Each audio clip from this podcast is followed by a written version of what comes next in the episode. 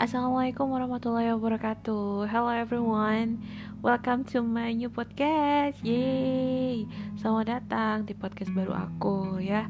Dan terima kasih sebelumnya Karena udah mau ngeklik podcast aku ini Dan kebetulan ini emang episode perdana Pertama pula. Wow amazing.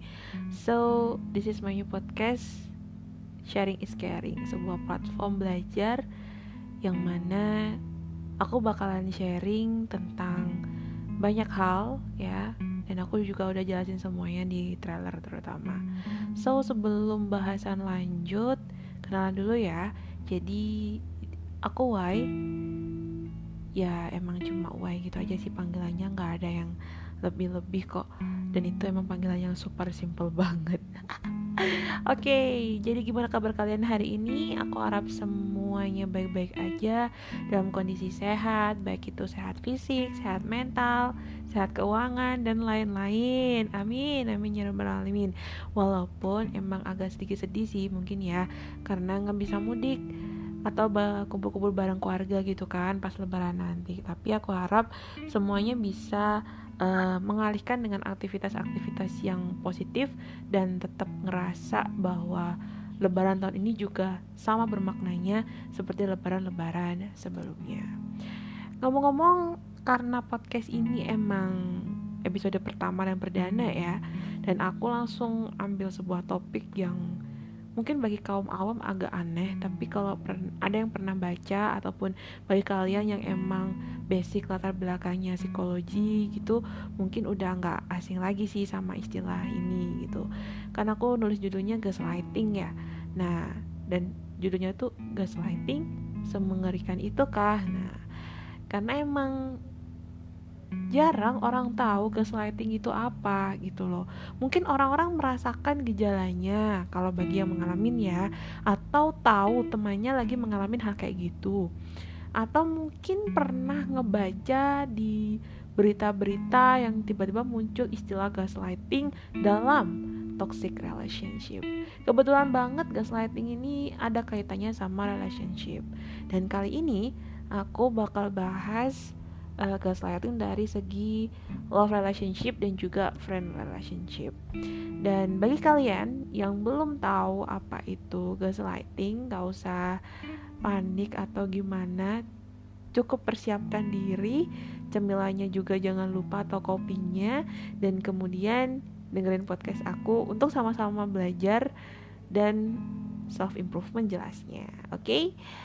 yuk kita bahas sekarang. Jadi kenapa sih? Atau alasan apa sih yang mendasari kok aku mau ngebahas gaslighting ini? Jadi istilah ini baru aku temukan aku sendiri maksudnya yang baru mengetahuinya itu kurang lebih di bulan April awal-awal April.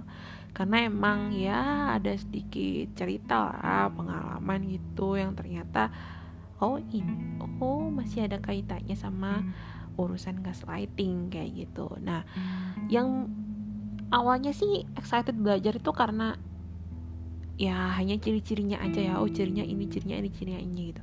Tapi ternyata ketika udah mendalami mempelajarinya tuh ternyata ini masuk ke dalam antisocial personality disorder. Dan itu yang bikin aku kaget pertama karena wow ternyata ini kayak semacam gangguan gitu loh.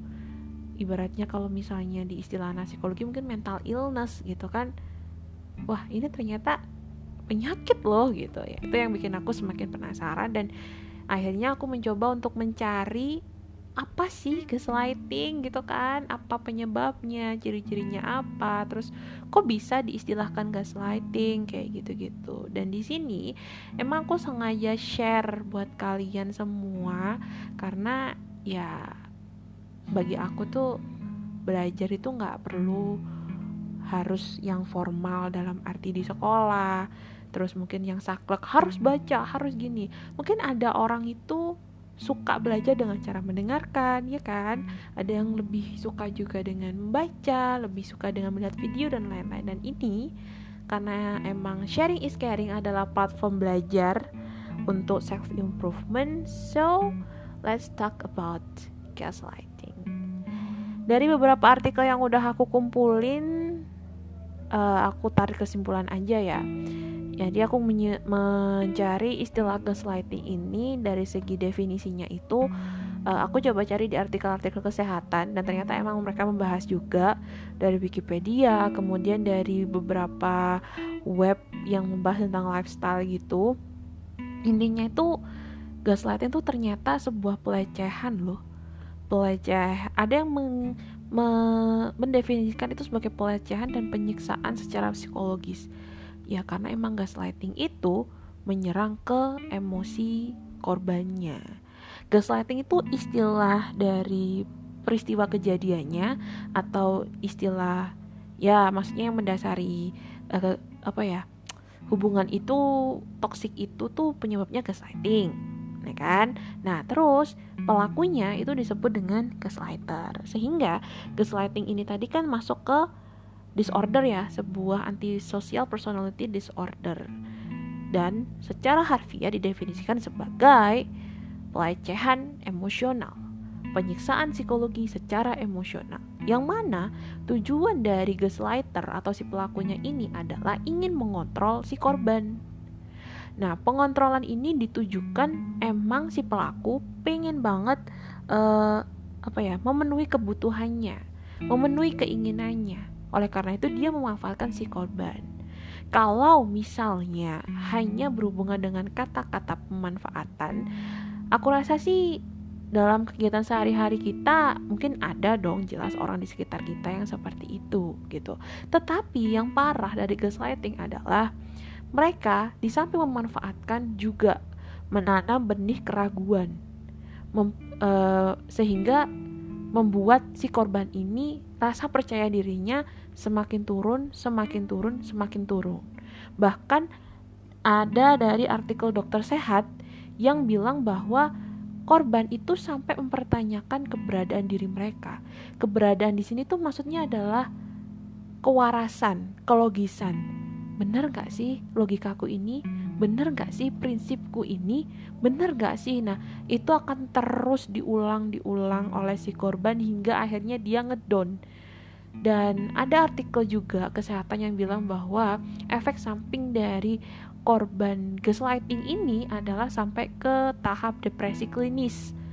Kalau sampai dia sendiri tidak bisa lepas dari lingkaran setan gaslighting ini wow dari definisi aja udah kaya akan kata-kata yang cukup bikin apa ya cukup bikin ngeri ya kan udah didefinisikan sebagai penyiksaan, pelecehan secara emosional dan ini yang banyak orang yang gak tahu gitu. So itu dari definisi harfiah kata-kata uh, istilah gaslighting ini.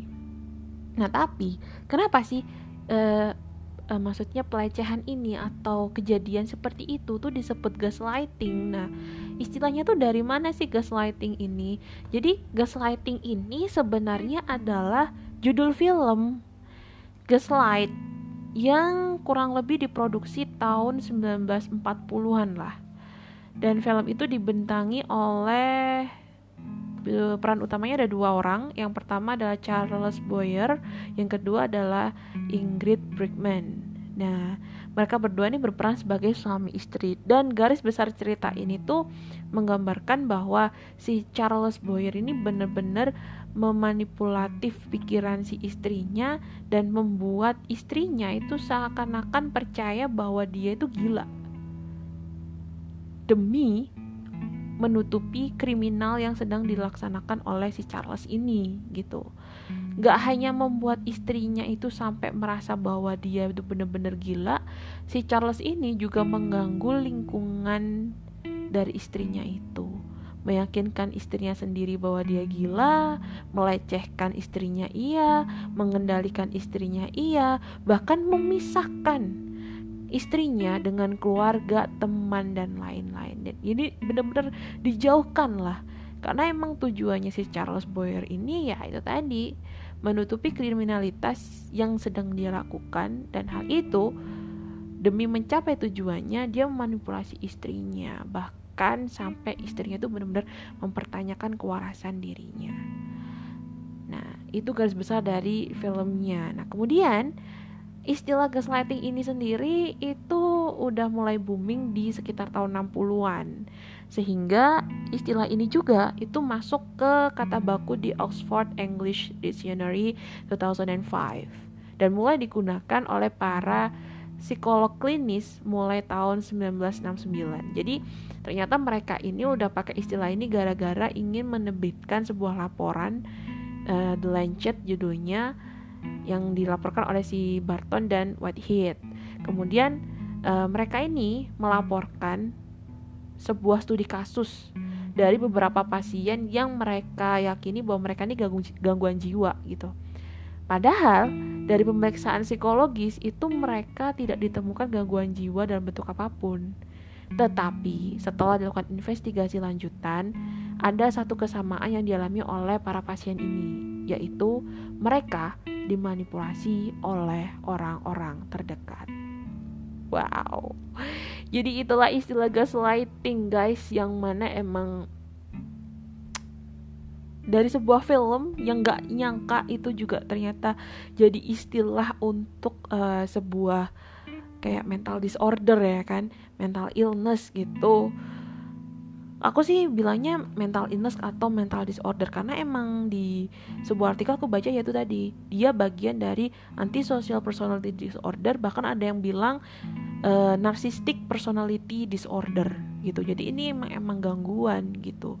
Dan juga uh, parahnya ya mungkin ya tidak banyak orang yang tahu itu tentang istilah seperti ini itu kalaupun kalian mungkin pernah merasakan ada ciri-ciri ciri-ciri entah itu di hubungan kalian sendiri ataukah teman kalian atau keluarga kalian ada unsur-unsur secara garis besar itu seperti yang diceritakan si film gaslight ini ya ya emang berarti memang mereka mengalami gaslighting gitu so itulah istilah asal muasal istilah dari gaslighting itu sendiri.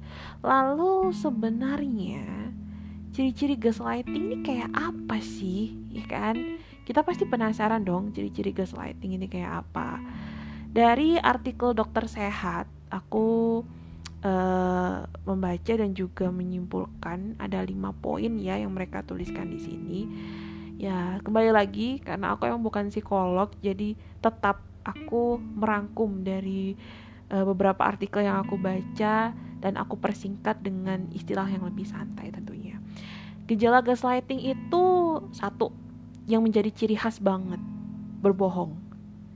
Si gaslighter ini pasti seorang liar dan dia itu udah sering banget melakukan kebohongan dan berbohongnya itu bukan dengan cara sembunyi-sembunyi lagi tapi udah terang-terangan banget dan diawali dari kebohongan kecil terus ketika udah tahu korbannya oh semakin melemah ya udah langsung dimasukin dimasukin untuk apa tuh namanya kebohongan yang lain dengan dalih yang semakin meyakinkan semakin yang meyakinkan gitu ya. karena ya kembali lagi tujuan mereka adalah mengontrol si korban kemudian Ciri yang kedua adalah menyangkal. Seorang gaslighting itu akan menyangkal apa pun yang diucapkan oleh si korban. Jadi contoh nih misal, si korban itu uh, bilang kan, uh, kayaknya kemarin kamu janji ke aku deh buat beliin aku tas, itu misalnya kayak gitu. Terus si si pelakunya itu pasti bilang ya kayak menyangkal gitu sih. Menyangkal bahwa dia nggak pernah bilang kayak gitu bahwa dia nggak pernah ngucapin kayak begitu. Walaupun sampai si korbannya ini menunjukkan lo ini lo buktinya kamu bicara sendiri lewat chat kayak gini atau gimana. Itu dia pasti akan mencari bagaimana caranya menyangkal hal itu. Dan secara garis besar sih sebenarnya nggak mau disalahin. Kurang lebih kayak gitu sih. Dan semakin uh, mereka ini akan ketika korbannya semakin kayak mempertanyakan itu ya akan terus dimasuki dengan kayak apa ya asumsi-asumsi bahwa ya emang yang benar itu si pelakunya bukan si korban gitu. Dan semakin si korban itu menanyakan kebenaran diri mereka sendiri maka secara tidak langsung mereka itu juga menerima penyangkalan dari para gaslighter itu. Terus yang ketiga cirinya adalah mengancam si korban dengan benda atau orang yang mereka sayangi. Contoh nih, uh, misal di hubungan gaslighting dalam arti hubungan pacaran. Terus katakanlah si cewek ini atau si cowok ya karena bisa menyerang cewek ataupun cowok gitu mereka lagi hobi A katakanlah hobi nonton anime gitu mungkin. Nah terus bagaimana caranya agar si pelaku ini atau gaslighter ini bisa melancarkan aksinya dengan mengancam kalau kamu nggak nurutin aku berarti kamu nggak usah uh, lihat anime lagi kamu nggak usah uh, gamer lagi kamu nggak usah gitu. Jadi uh, apa ya hal-hal berharga dari si korban ini dijadikan bumerang atau senjata untuk mengancam. Kalau si korban itu nggak mau nggak mau menuruti si gaslighter itu gitu. Dan juga seorang gaslighter itu mengancam dari segi pondasi apa ya pondasi prinsip pondasi prinsip hidup juga sih. Sampai kayak gitu juga. Pokoknya intinya dia akan menggunakan hal tersebut bagaimana caranya untuk menyerang si korban demi melancarkan aksi-aksi selanjutnya. Terus yang keempat menjatuhkan. Hal yang paling berbahaya dari seorang gaslighting adalah ketika dia akan selalu menjatuhkan pernyataan-pernyataan yang dilontarkan oleh si korban. Jadi misalnya nih, si korban bilang, bukannya melakukan hal seperti itu tuh kesalahan ya. Nah, kayak gitu. Dan ini akan di komen dengan komentar yang uh, padahal itu udah jelas salah gitu ya misalnya. Udah jelas salah tapi dia akan memutarbalikkan fakta atau yang terlebih adalah ditambahi komentar-komentar sinis yang akhirnya tetaplah si korban akan semakin jatuh. Kemudian ya yang jelas itu dilakukan dari hal-hal kecil. Hal-hal kecil sampai hal-hal yang paling besar. Terakhir perkataan tidak sesuai dengan tindakan ini ciri banget dari seorang gaslighting atau gaslighter. Seorang gaslighter akan mengatakan banyak hal baik namun tidak ada yang tepat. Contoh, contoh lagi. Misal nih, kamu lagi dijanjiin sama seseorang gitu kan. Uh, simple sih misalnya, oke okay, uh, nanti hari Minggu jalan ya sama aku, misal ya kan. Terus habis itu udah pas hari Minggu, eh ternyata enggak. Nah, loh kok nggak jadi sih? Gitu. Nah seorang gaslighting gaslighter akan uh, apa ya tindakannya nggak sesuai sama perkataannya. Terus dibumbui dibumbui dengan istilah-istilah yang seperti maaf aku sibuk mendadak gini gini gini gini. Loh kan padahal udah janji. Mungkin si korban bilang kayak gitu. Nah si pelaku akan terus bilang ya ya kamu nih gimana sih? Uh, kalau nggak bisa sekarang ya nggak bisa gitu loh. Padahal padahal nih udah janjian udah apa ya dan janjian itu uh, dikonfirm terus kayak tiap hari gitu. Tapi pas hari H nggak akan terlaksana gitu. Pada dasarnya emang itu ciri-ciri gaslighting yang intinya mereka berusaha untuk memprovokasi, memanipulasi, menjatuhkan, berbohong hingga akhirnya si korban itu kayak terus merasa terpuruk, merasa salah, merasa bahwa I'm a useless seperti itu. Itu ciri dari gaslighting secara umum. Tapi gimana nih ciri-ciri bagi mereka yang uh, masuk dalam kategori hubungan ya? Dalam arti uh, sebuah hubungan yang gaslighting itu kayak gimana sih gitu kan. Jadi untuk hubungan gaslighting sendiri sebenarnya cirinya kurang lebih sama sih. Kurang lebih sama kayak uh, gaslighting secara umum. Cuma ada versi detailnya. Karena bagaimanapun kalau udah masuk ke hubungan relationship itu bakalan jauh lebih detail kan? Pasti dong jauh lebih detail. Dan sebenarnya ini juga uh, lebih merujuk kepada ciri-ciri yang lebih detail dan jelas. Kalau tadi kan cuma ciri-ciri umum. Kalau ini ciri-ciri yang amat sangat jelas. So apa aja ciri-ciri seorang gaslighter dalam hubungan relationship? Dalam artian di sini adalah love relationship. So yang pertama ini sebuah artikel ya yang menyatakan pendapat dari Good Therapy